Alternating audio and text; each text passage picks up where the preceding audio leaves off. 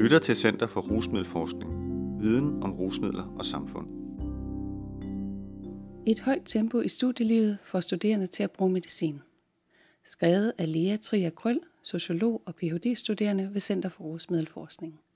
Indlæst af Else Marie Elmholdt, videnskabelig assistent. Artiklen er bragt i Stofbladet nummer 34 i efteråret 2019. Vi lever i et samfund, hvor travlhed giver anerkendelse, og hvor uddannelsesreformer sætter pres på studerendes tid og hverdag. Tempoet i studielivet ønskes højt, og ansvaret for at optimere og håndtere tid bliver individualiseret. Her ser nogle studerende medicin som et middel til at håndtere tid og følge med. Den universitetsstuderende Karen bliver af og til grebet af nervøsitet og bekymring, når hun skal studere. Hendes studie er svært, synes hun, og en tidligere sygemelding med stress og depression gør, at hun føler, at hun er bagud på sit studie og har mistet noget af tilliden til, at hun kan følge med.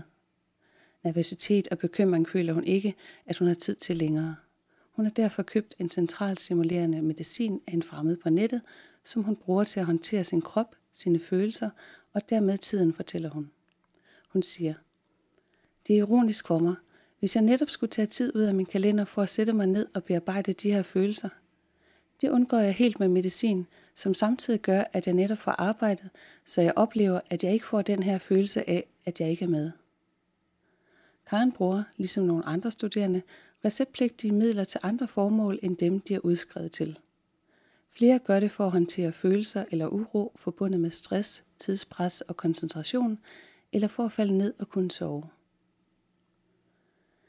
De seneste årtier er mængden af medicin udskrevet af læger og på sygehuse steget i Danmark og i udlandet.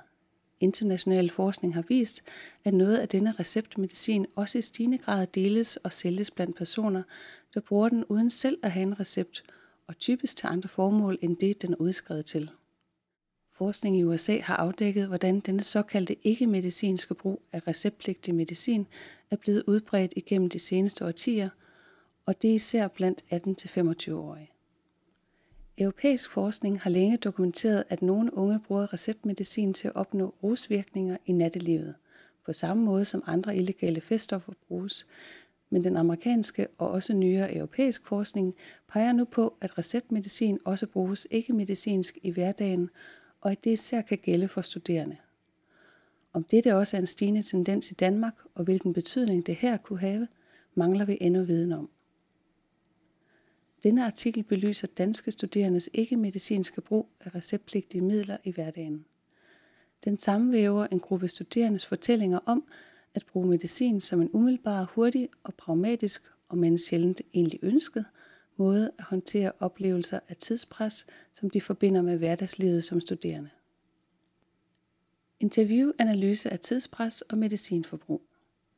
Artiklen tager afsæt i mit sociologiske Ph.D.-projekt, der er baseret på 28 interview med danske unge mellem 18 og 30 år, der har erfaring med ikke-medicinsk brug af receptmedicin i hverdagen som studerende på professionsbachelor eller universitetsuddannelser.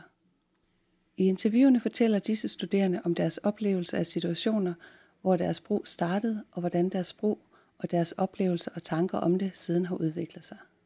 Interviewene er individuelle, anonyme og varede cirka halvanden time. De fleste af de interviewede havde erfaring med at bruge centralstimulerende medicin med ønsket om at koncentrere sig om at læse og studere. Det var typisk medicin, der udskrives til personer med ADHD-diagnoser, og som kan virke opkvikkende ved at øge mængden af visse signalstoffer i hjernen.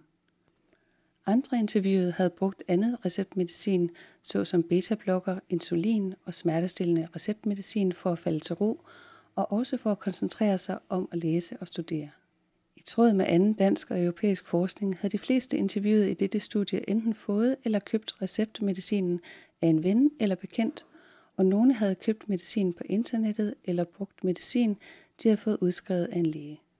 Enkelte havde fået medicin af familiemedlemmer eller købt medicin i udlandet.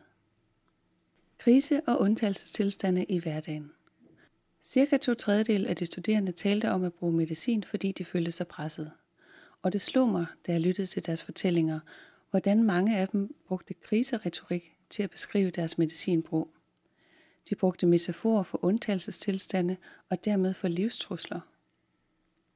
hvor en studerende for eksempel brugte ordet snestorm om den situation, der motiverede hendes medicinbrug, beskrev en anden medicin som en redningsvest, og andre kaldte medicinbrug et nødværve, min chance for at klare det, eller simpelthen som en måde at overleve på. De beskrev typisk at være i situationer eller længere perioder med massivt pres på, som en udtrykker det. Kriseretorikken rørte mig og gjorde mig nysgerrig efter at forstå, hvorfor de studerende brugte så stærke metaforer. Medicin til håndtering af tidspres. Det er et nærlæste interviewene for at se nærmere på de studerendes beskrivelser af situationer med kriser og undtagelser, fandt jeg, at især oplevelsen af tidspres kendetegnede mange situationer, hvor de brugte medicin. De studerende talte om at være i tvivl, om de havde nok kropslig og mental energi eller timer nok til at nå de opgaver og aktiviteter, tage den eksamen eller fastholde det hverdagsliv, som de af forskellige årsager, som jeg vil komme ind på i det følgende, følte, at de var nødt til at fastholde. Karen beskriver for eksempel, hvordan hun i en presset periode for studiet oplevede, at en kropslig restløshed, et mentalt tankemøller og et væld af følelser af tvivl, om hun kunne klare sig, stod i vejen for, at hun kunne arbejde så hurtigt og planmæssigt, som hun ønskede. Hun brugte i den situation den centralstimulerende medicin modafinil til at håndtere sin tid og dermed oplevelsen af tidspres. Hun siger, det er ironisk for mig, hvis jeg netop skulle til at tage tid ud af min kalender for at sætte mig ned og bearbejde de her følelser. Det kan tage rigtig lang tid, før jeg får min vejrtrækning under kontrol, før jeg kan begynde at tænke konstruktive tanker. Og det er rigtig svært, når man ikke føler, at man lige nu skulle tage den halve time ud af kalenderen. Ja, og det er som om, at det undgår jeg helt med modafinil, som samtidig gør, at jeg netop får arbejdet, så jeg oplever, at jeg ikke får den her følelse af, at jeg ikke er med, at jeg har en masse at indhente. Thea beskriver på lignende vis, hvordan hun i en presseperiode på studiet brugte centralstimulerende medicin og understreger, at det var med ønsket om at opnå en følelse af at kunne fastholde en tidsstruktur og skabe nogle bestemte faste rytmer, som hun oplevede var nødvendige, for at hun kunne gennemføre studiet, men som hun havde svært ved at tro på, at hun selv ville kunne fastholde. Det handlede om at have en tilfredshed med mig selv – at jeg vidste, at nu koncentrerer jeg mig fra 8 til 16 hver dag, og så går jeg hjem og holder fri. Det handlede om at lægge en struktur ned over det her forløb, som jeg havde tillid til. Undtagelser under tidspres. Et andet gennemgående element i de studerendes beskrivelser af at bruge medicin i situationer, hvor de følte sig presset, var deres beskrivelser af, at brug af medicin var en nødvendig moralsk undtagelse. Langt de fleste studerende beskrev, at de brugte medicin, selvom de egentlig principielt ikke brød sig om det, at de selv eller andre skulle bruge medicin for at håndtere udfordringer i hverdagslivet. Karen beskriver som andre, at selve tidspresset får hende til at føle, at der ikke er tid til at overveje alternative og netop langsommere måder at håndtere situationen på. Under tidspres ser tidsoptimeringslogik ud til ofte at trumfe andre typer overvejelser – og her fremstår medicin som en effektiv, sikker og hurtig virkende håndtering af tidspres. Anita beskriver for eksempel, at hun ikke bryder sig om at bruge centralstimulerende medicin for at studere til eksamen, men at hun var i en situation, hvor hun følte, at hun behøvede at gøre det, fordi der var et helt crazy tidspres på en. Hun uddyber. Jeg har ikke gjort mig tanker på den måde om sådan, er det forkert eller er det rigtigt? Hvad er mere rigtigt? Det har mere været sådan, hvad passer bedst til den situation, som skal håndteres lige nu? Det er også derfor, at jeg vil da ikke udelukke, at jeg vil komme til at bruge det igen. Det er altså noget ved tidspres, der giver følelsen af nødvendighed, som Anita her siger. Samtidig beskriver hun, at hun forventer, at hun kunne komme til at stå i den situation igen. Tidspres som en normal del af studielivet. Selvom de fleste studerende altså beskriver, at deres medicinbrug er en moralsk undtagelse, så oplever mange, at tidspresset, som legitimerer den moralske undtagelse, er en mere eller mindre forventelig eller integreret del af deres almindelige hverdagsliv. Mange af de studerende beskriver, at deres hverdag er præget af et højt tempo og en tæt pakket kalender, men udtrykker også en ambivalens omkring det. Som Lisa siger om sit travle hverdagsliv. Det er et hårdt liv, men også et meget sjovt liv. Lars fortæller også om en travl hverdag med flere jobs og et krævende studie, at jeg lever et hårdt liv. Altså, jeg tager jo ikke stoffer eller har andre dårlige vaner som at ryge, men ja, jeg prøver at presse citronen. Et højt tempo i hverdagen kan i sig selv nærmest føles som en ros, og fordi det at have mange jern i ilden kan give en følelse af sikkerhed og social anerkendelse. Det kan vi for eksempel høre Thomas sige, når han beskriver, hvordan han brugte centralstimulerende medicin til at presse sig til at arbejde intensivt i en periode, hvor han ellers af forskellige årsager var udmattet. Han knytter en ambivalens til det at få en rar fornemmelse af social anerkendelse og samtidig føle, at et travlt liv er nødvendigt. Det er nødvendigt, oplever han, for at kunne ruste sig til en fremtid, som han forventer vil rumme stadig strammere uddannelsespolitik og tidsregulering.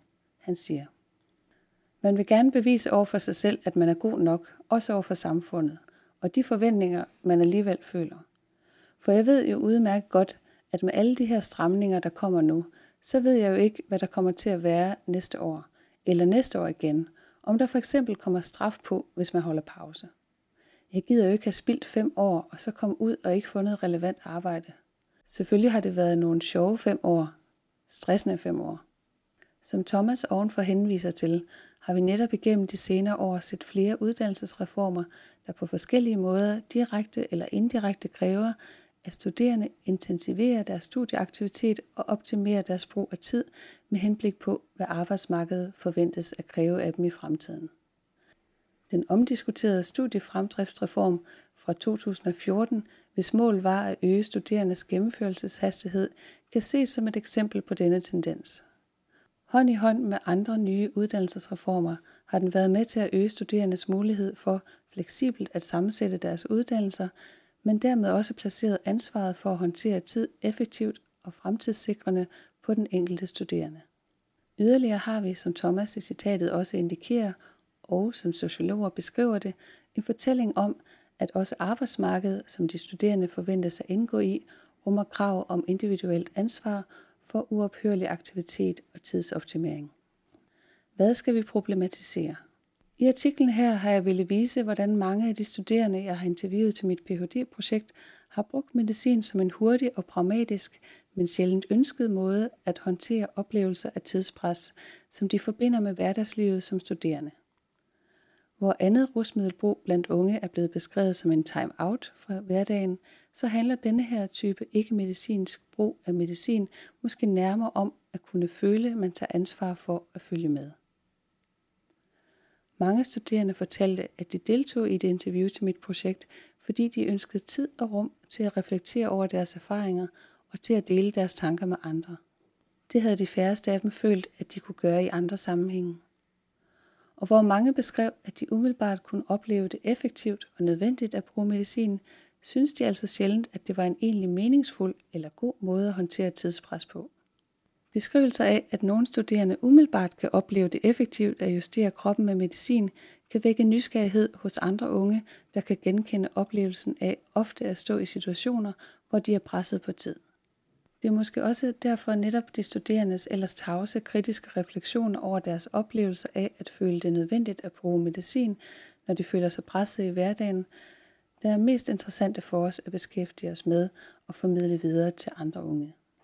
Selv når de studerende er kritiske og ikke bryder sig om, at de selv eller andre skulle tage piller for at håndtere hverdagen, så kan den umiddelbare oplevelse af hverdagsligt tidspres trumfe den kritiske tanke.